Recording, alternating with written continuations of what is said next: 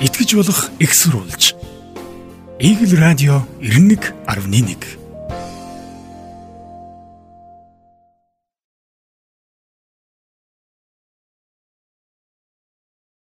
Савцан өрхөм сонсогчдоо Игэл радио 91.1 радио жирийн нэвтрүүлэг өнөөдрийн дугаарыг сонсогчдоо аханд хүрэхэд бэлэн болсон байна. За нэвтрүүлгийг Эрка Аганбаяр хөтлөн явуулна. Өрнөж байгаа үйл явдлын мэдээллүүдийг за жиргэнээс Эрка хэлж өргөнэ гэж. За. За би өнөөдрийн жиргийг Монгол Улсын засгийн газрын жиргээр эхлүүлэхэд. За. За. Юун тухай хэрэгчдэр бас нэлийн сошиал орчинд оройхондоо нэлийн төглөө те. За. Ерөнхий сайд оюун эрдэнэ Илон Маск тий цахилгаан машины хэрэглээ ногоон технологи нэвтрүүлэх талаараа ярилцсан онлайнаар. За засгийн газрын үж ирсэн гэхэд Монгол улсын ерөнхий сайд оюун эрдэнэ өнөөдөр Америк нэгдсэн улсын Tesla компани гүйцэтгэх захирал Twitter компани технологи хариуцсан захирал Elon Muskтай цахимаар уулзаж хамтын ажиллагааны талаар санал солилцлоо. Уулзалтын үеэр ерөнхий сайд Tesla компани салбарыг Монгол улсад байгуулвал татвар болон эргэцэн орчноор дэмжихээ илэрхийллээ гэсэн. За, дэлхийд дахин цахилгаан машины хэрэглээ ногоон технологи нэвтрүүлэх түүний үсийг дэмжиж байгаагаа онцлоо. Иргэдэд иргэдээ цахилгаан машины хэрэглээнд уриалж ерөнхий сайдын хувьд хувь нэмрээ оруулахаа илэрхийллээ. Мөн Tesla компани бүтээгдэхүүний гол түүхийд болох зэс болон газрын ховор элементийг хамтарч ашиглах судалгааны ажлыг эхлүүлэх уул уурхайн том аврын автомашиныг цахилгаан хөдөлгөөртэй болгоход дэмжлэг үзүүлэх Монгол улсын шилдэг IT инженеруудыг сургах тэтгэлэг хөтөлбөр санаачлахыг Elon Musk-аас хүслээ. Elon Musk Монгол улсын ерөнхий сайттай цахимаар анх удаа уулзаж буйд талархал илэрхийлээд баялаг түүхтэй Монгол орныг сонирхдаг боломжтой цагтаа Монгол зорчлоноо. Монголд цахилгаан автомашины хэрэглээг нэмэгдүүлж хамтарч ажиллахдаа таатай байх болно гэлээ. Ерөнхий сайд оюун эрдэнэ 2023 оны 7 дугаар сард Улаанбаатар хотод болох Монголын эдийн засгийн форумд ноён Илон Маскыг хүрэлцэн эрхийг урьлаа гэсэн. За ер нь уулзалтын гол агуулга цаатал юу гэж хүлээснийг ер нь товчхондоо ингэж чиргсэн. Би бол энийг бол нэг дэвшилттэй алхмаа гэж харж байгаа. Ягаад тэгэхээр ерөөхдөө дэлхийн нөгөө нэг ерөөхдөө бидний хэсэг бол глобалчлагдаж байна гэж ярьдаг байсан. Тэгэхээр өөрөө нэг бизнес бол ямарваа нэгэн байдлын байдлаар улс орны за тухайн орны дэглэмээс үл хамааран тийм үү. Тухайн орны онцлогоос үл хамааран ашигтай салбартаа хөгжих гарцууд нь олон байдаг гэдгийг илэрхийлэх юм болов уу. За Elon Musk гэдэг хүн бол өөрөө дэлхийн тэр бомтоо. Аа. Гэхдээ энэ хүн хоосон зүйлд хөрөнгө оруулах дурггүй гэхдээ мөрөөдөгч. Хамгийн гол хоосон зүйлд хөрөнгө оруулах дурггүй мөрөөдөгч гэдгийг ялгааг манай сонсогч нар бас анзаараа. Яагаад мөрөөдөгч вэ гэдэг бол энэ хүн бол жишээлбэл сансрын одоо эзэмших, эзэгнэх ийм туйлын хүсэлтэй. Яагаад гэвэл дэлхий дээр за одоо ингээд юу гэдэг хичнээн тэр бомтон байлаач гэсэн өөрийн гэсэн эзэмшлийн нэртэй боловч бусдаас хараатаар амьдрах юм л нөхцөл байдал үүсчихсэн. Дэлхий дээр бол. Яагаад тэр нүг нүг таны ирэх бусдын ирэхээр хязгаарлагдана гэдэг юм дэр дэлхийн өрөө захирагддаг байхгүй.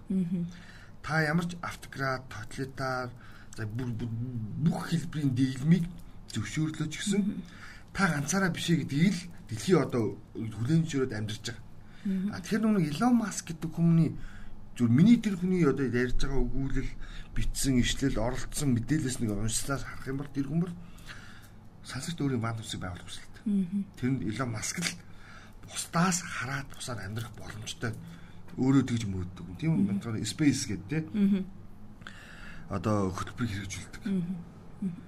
За харамсалтай нь санаж байгаа бол ердөө өмнөх сард анхны пуужн нь амжилтгүй одоо болчихсон. А гэхдээ сансрын уудмыг ашиглаад ямар ч байсан хүн төрөлхтний хувьд бол интернетийн хэрэглээг шинээр ашиглах тий утасгүй интернет гэж бид ярьдаг байсан бол одоо агаараар дамжин бусдаас хараад бусаар байх энэ технологиг эзэмсэж байгаа. Энэ нь бол агуу. Тэгэхээр бид нар нөгөө нэг түрүүний хэлжсэн чинь мөрөөдөгч гэдэг маань юу вэ гэдэг маань энийг харуулж байгаа.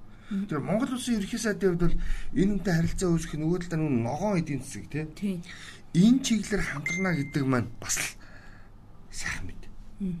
Яг тэр монголчууд бидний хувьд бол ногоон эдийн засгийг дэмжиж гимээ нөгөө нэг олон одоо үгүй гатны хараат би сайн нэг хараат байдлаас бид нар ингэж хамаарч амьдарч байна гэдэг чинь нэг одоо юу гэдгийг бусдын шууд хамаарлаас гарах боломж нь ногоой тэнцэх хөхгүй. Нөгөө нэг Эрдэнэ бүрэнгийн усан цахилгаан станц. Нөгөө нэг цөмийн реактор ашиглах буюу өөрөөр хэлбэл уран ашиглах гэдэг хэлбэрүүд орох юм аа.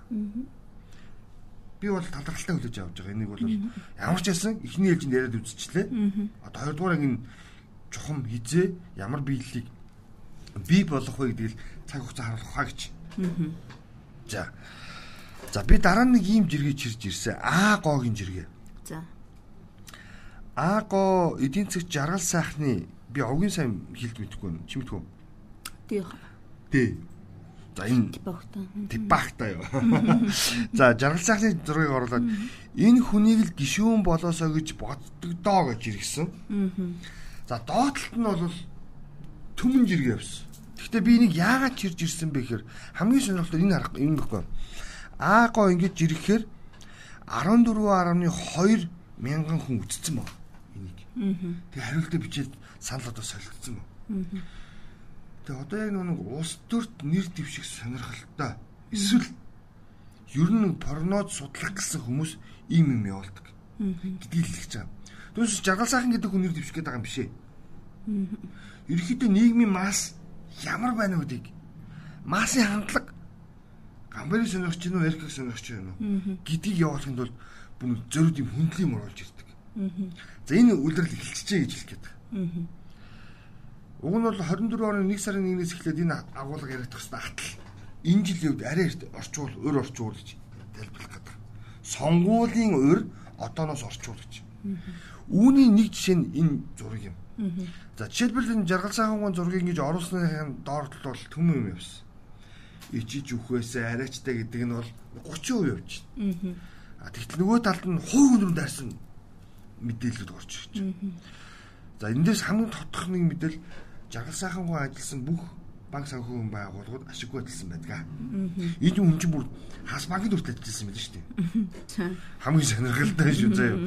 Тэгээ дандаа ашиггүй ажилласан байдаг гэдэг. Тэгээ жаргал сайхан гэдэг хүн яг ямар эдийн засгч юм бэ гэдэг дээр бүр ингээд анализ хийсэн 30% байна. За гэтэл нөгөө талд нь улс төрийн өнцгөр нөгөө намчрахсан хүмүүс харсан өнцг нь байна. Монгол ардын намыг буюу Мегомбийн инх болтыг тухайн одоо үгдийн намын удирдлага багт хамгийн түрүүлж муулсан хүн бол жаргал сайхан бай гэдэг юм ордог шүү. Тэгээ уншаад судлаад үзсэн бас сонирхсан гэсэн чинь жаргал сайхан гэдэг хүн газрын 8-ны хамгийн том их усөр бол энэ Мегомбийн инх болоос гэлсэн гээд нэг лекцээр дуурж исэн юм. Тэр тэр би бол тэр мэдээллийг нь бол нэг тал дээр өмөрдөг л дөө. Яагаад өмөрдөг гэхээр хууль эрх зүйн орчин тэр үед бүрдсэн юм аа. Инх болт гэдэг хүн хотын засгийн дараагаар ажиллаж авах хугацаанд ямар ч сан Улаанбаатартыг газрыг нь иргэдэд өмчлүүлэх хуулийн төслийг батлуулсан. Өөртөө ашигтай ч өрөөлт ашигтай ч тий аль нэгэн хэлбэрээр л хүн газраа өмчлөх ёстой мэнэ гэдэг хууль эрх зүйн байдлыг батлал. Ингээд хамгийн олон зөвшөөрөл олгосон байдаг гэж ярих гэдэг юм. За энэ мэтлэг ингээд юмд хөвсөн.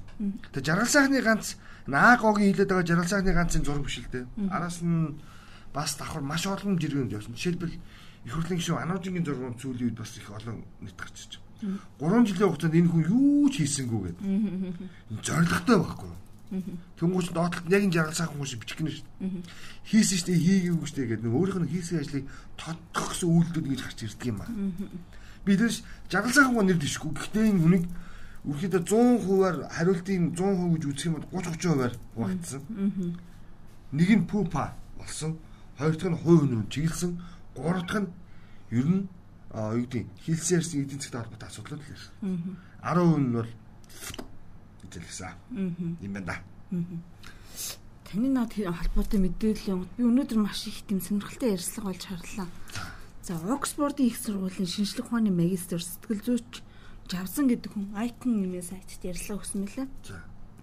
Тэгсэн чинь монголчууд бусдын амжилтыг олж хардггүй нь хамгийн юм тээ цаана дандаа атаажтай агуулж идэг гэд.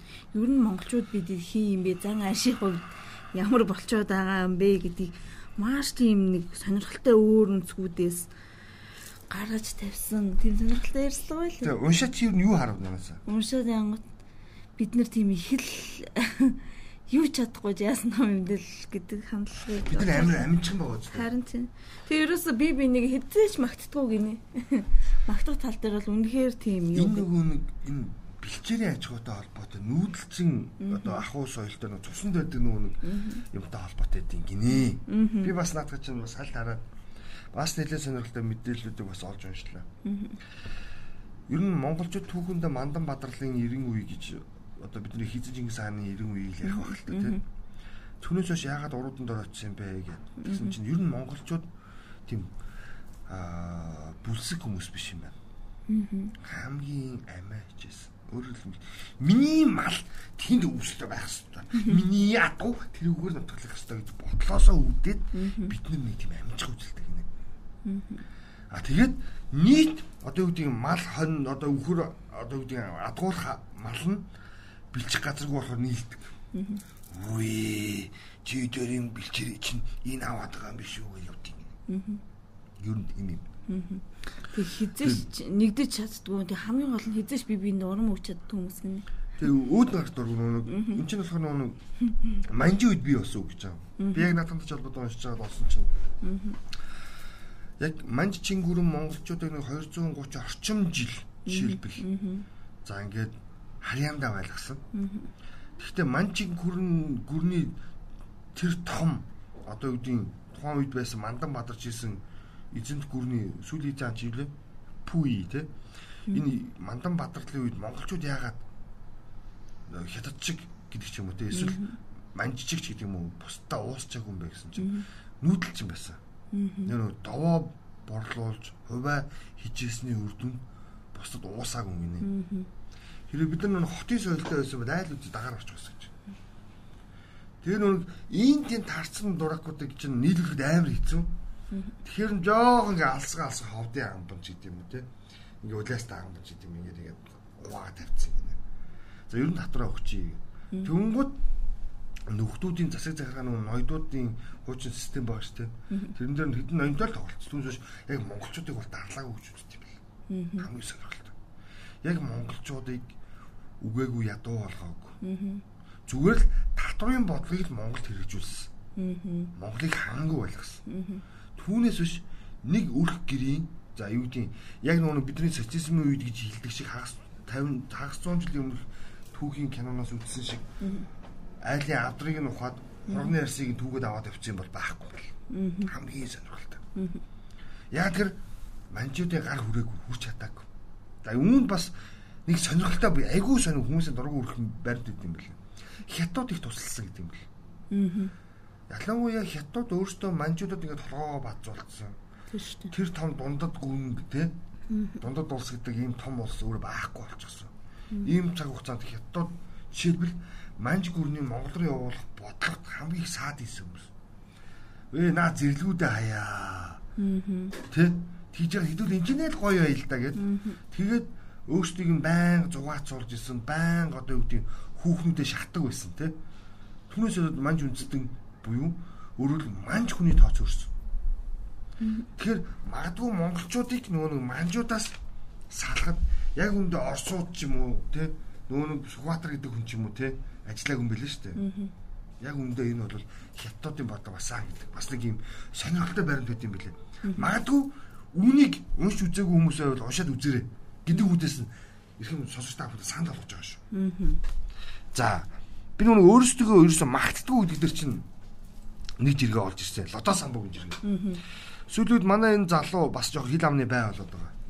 Үжил бодлосоо ч тэр тий эрхэлсэн хамтарсан хүмүүсээсээ ч болооч тэр юм тий.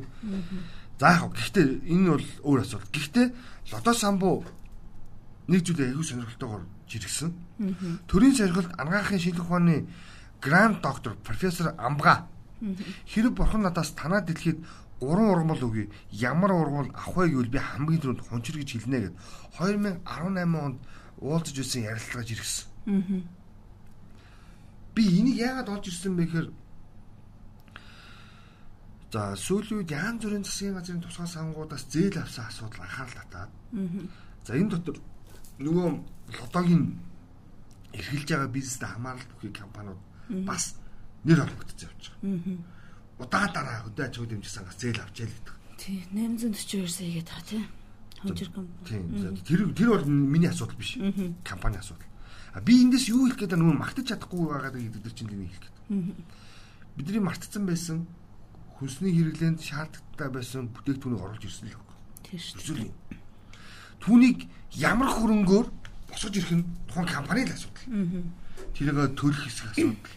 Хотлоо ярьж, хулгай яаж авсан бол буцааж барагдуулах хэсэг асуудал тийм. Энэ бол тухайн компани асуудал. Гэхдээ бидний хүнсний хэрэглээнд хончрыг өнөхөд хариулж чадсан.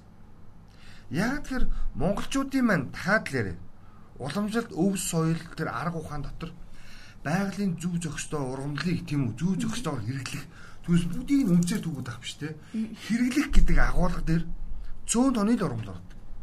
За жишээлбэл чи мэдэн тийм үү хоолоо өвдөх ханиад халуун бууруулах зэрэг одоо юу гэдэг амьсгалын замаар халдварлах боломжтой одоо саний дурдсан өвчнүүдэд юу сайн байсан?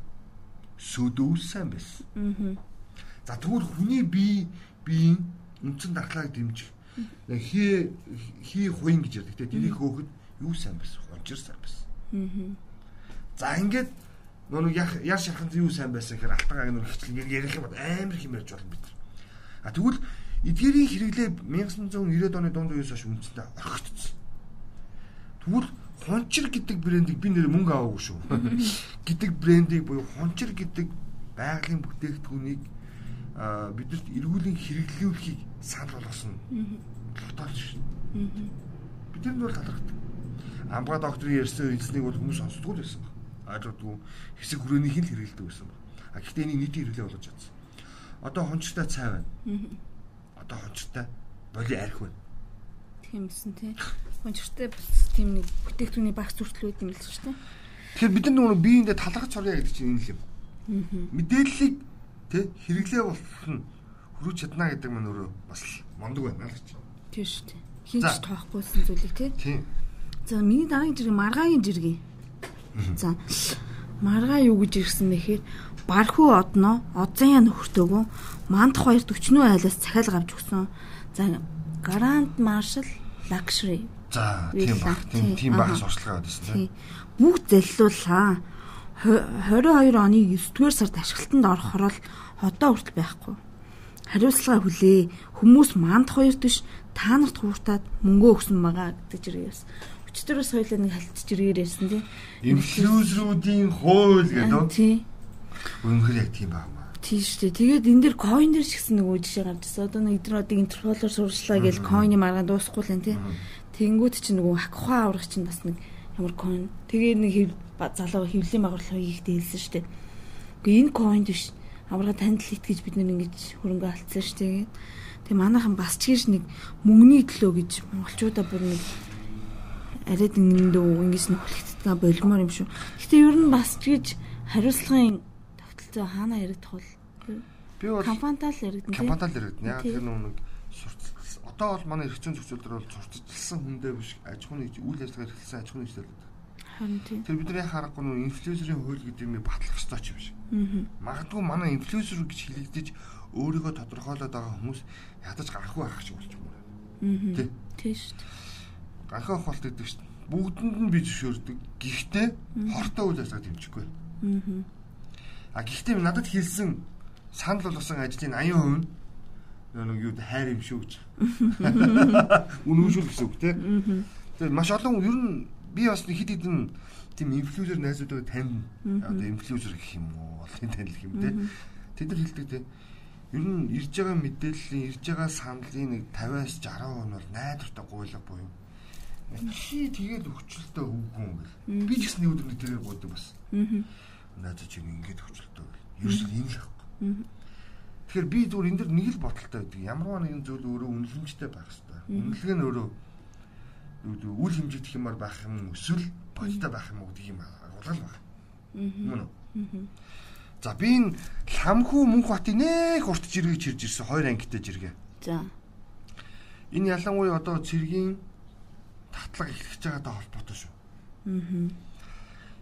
Ламхүү мөнх бат юу гэсэн хэрэг цэргийн насны залуучуудын анхааралд цэргийн алба хаагүй тохиолдолд мөнгөн төлбөр орлуулан хаах төлбөрийн хэмжээ 23 онд нэмэгдсэн зөвхөн 1 жилийн мөнгөний төлбөр нь 1 сая 670 мянга 943 төгрөг болжээ. За мөн залуустай хандаж зөвлөхөд 1 жил 1 удаа цэрэг татлагтаа заавал хамрагдаж яваарай. Үнээс хамраад 1 жил өөрийн биеэр цэрэг татлагт оруулах 1 жилийн мөнгөний төлбөр буурах шалтгаан болдог. Таны үзлэгт ороогүй жил тутамд нь 1 сая 670 мянга 943 төгрөгийг жил бүр өсгөж авдаг шүү. Төгрөг нь дүүцүүлэх төлбөр болон үлдэж 26-наас хүрэхэд 11 сая 935 мянга 308 төгрөгийг та төлөх болно. Гадаад оронд суралцж ажилдах хүүхдүүд нотлох бичиг баримт өгөх хэрэгтэй. 26-наас хүрэхэд нотлох бичиг баримт нь мөнгөний төлбөрт нөлөөлнө. Гадаадад байгаа мөнгөний төлбөрөөр чөлөөлөгдөх шалтгаан биш. Зөвхөн тухайн жилийн үйлчлэгт оролцох боломж хөндлөх шалтгаантай л иймээс цэргийн насны залуучууд өөрийн биеэр үйлчлэгт орох, эцэг эхчүүд нь хүүхдээ үйлчлэгт орохыг шаардах 26 наснда цэргийн дүүжүүлэх мөнгөний төлбөр төлөх санхүүгийн хүндрэл орохгүй байгаа юм гэж байна. Энийг нэг л тоохгүй байгаа юм да манай залуучууд. Тийм шүү дээ. Аа. Цэл болцоо гэдэг шиг тий 26 орчиндээ оюутан байж байгаа дуусчихандаа гэж бодоод тах шиг байна. Тэг хамгийн хэцүү нь одоо бас манайх хид хідэн за төрийн албаны хуульч төр хид хідэн хуулийн зохицуулалтууд төр алба хаагааг болоод юм шаардлага тавигдаад эхэлчихсэн ихнээс явж байгаа. Энэ бол нэг 5 жил өнгөрсөн одоо юу лээ? Ингээд явж байгаа болохоор бас нэг боталтай байгаараа залуучуудаа. Ядаж бүртгүүлээд байгаарэ. Тэрт явдаггүй маа гэх тээ. Тэгээд дээрээс нь тийм цэргийн бүртгэлийн систем чинь цахим болцсон юм л шүү дээ. Тэр нь бодолцоороо л ижил гэдэг. Харин тийм. За чиний зэрэг юм. За солонгогийн жиргэн. Бас л нөгөө нэг сая инфлюенсертэй холбоотой. За өнгөрт ажил зуучилж байгаа хүмүүс арай хэтэрхий наа. Монголоос цалингийн өндрөөр худлаа хийлж авчирна. Ирээд байр бэлэнгээд худлаа хэлнэ. Ястай дэндүү ах шиг байна. Өнгөрийн Facebook групп дөрөн битүү гомдол холигтуулсан хүмүүсийн постэр дүүрж байна. Холбогдох газар нь арга хэмжээ аваасай. гэдэг чиргээ болсон. Өнгөрлөө ажлын байр зарж байгаа, сурталчилж байгаа хүмүүс Өнгөрт очиж үзээгүй их юм хамгийн сонирхолтой. Өнгөрт ямар ажлын байр санал болгоод өгөөр арабууд ажлын байр санал болгоо. Ойдлын үйлдвэр. Адуу модлолгаа. Тэгээд байр гэдэг маань юу гэхээр нийтийн офши буюу өөрөөр хэлбэл хуучнаар бол за нэг юм заалан давхар ортой цэргийн ухаан маягийн юмыг санал болгодог юм шүү. Ер нь бол мэдгүй юм хүмүүс хэлээд хоёрт а үндсэн танилцуулга дээр эрэхтэй нөгөө арабууд болохоор оо байр хоол өгнөө.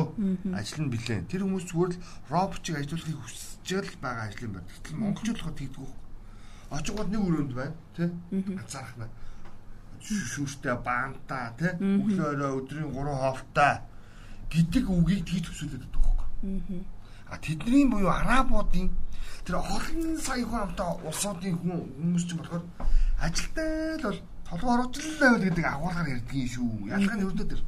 Тэр нэг арабууд ч нөгөө ядуу бүрээ орн буюу за энэ Монгол, Филиппин, Хятад зэрэг те энэ дэлхийн юм ажилчдыг авчрахтаа Вьетнам, Камбожийн ажилчдыг авчрахтаа байртайгууд гэдэг ойлголт нь борооноос халахлах сарвч буюу нийтийн ухаан гэж байна. Өглөөдөө нэг тэг нэг бичээ нэг аяг усыг өглөөний цай гэж. Аа. Тийм Тэгэхээр аа монголчууд болохоор тэр байдлыг нь болохоор төрүүлсэн шүү дээ. Гурван оттой жочдуудлын хэмжээний юм хүсэж идэг байхгүй. Гэрээгээ хийхдээ гэрээгээ уншихтаа өөртөө ихлээр сонголтыг та өөрөө хийж байгаа гэдгийг л анхаараач л гэж хэлдэг. За цаг нийлээ явчих дуусах уу? За.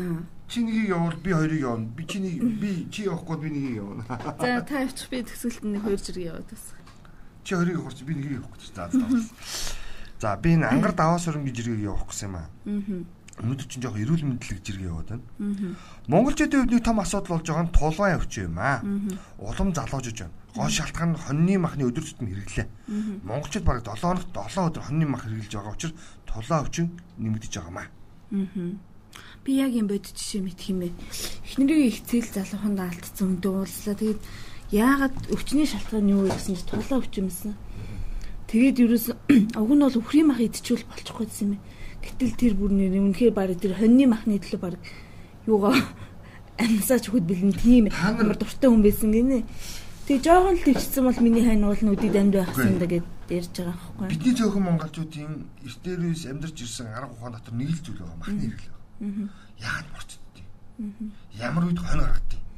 Ямар үед ямаа гаргадгийг? Ямар үед адууны мах хэрэгэлдэг гэдгийг бодож үзээч. Бид хавардаа борц. Тэ тэргүүднэр хооллоо зундаа ялангуяа цөөн тоогоор шүү.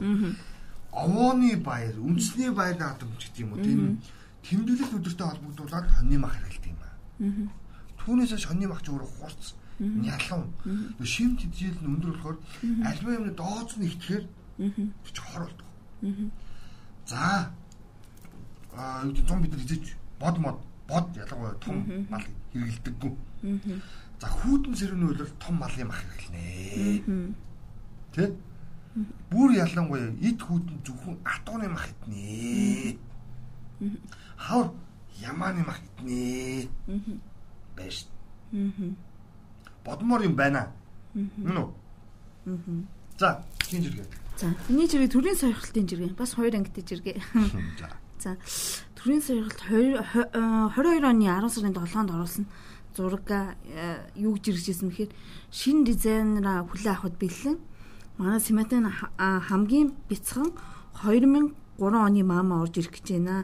Шинэ ажлын мэр шинэ хамт олон гэд нөгөө нэг хүлээж авах орчныхоо зургийг оруулсан. Ажлын мэрийнхаа төвчүүлснийг.